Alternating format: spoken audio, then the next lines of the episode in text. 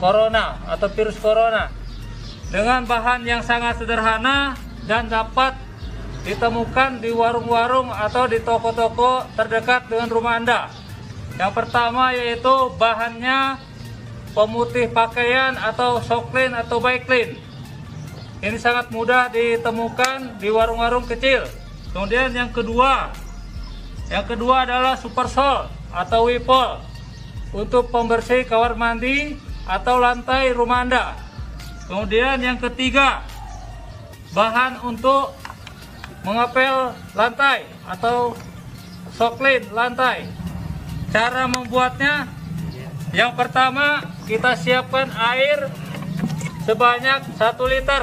1 liter air kita masukkan ke dalam ember. Kemudian bahan yang pertama yaitu soklin apa pemutih pakaian sebanyak 2 sendok makan. Kita masukkan 2 sendok makan pemutih ke dalam 1 liter air. Satu, satu ya. Dua. Nah, setelah itu baru kita masukkan super sol atau wipol sebanyak 2 sendok makan juga. Ya, satu. Dua. Yang ketiga kita masukkan soklen lantai sebanyak 4 sendok makan. 4. Ya.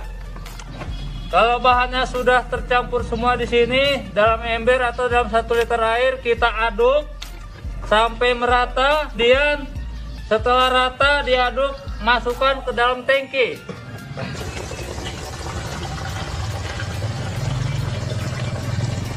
Oke, bahan disinfektan ini bisa digunakan oleh semua kalangan masyarakat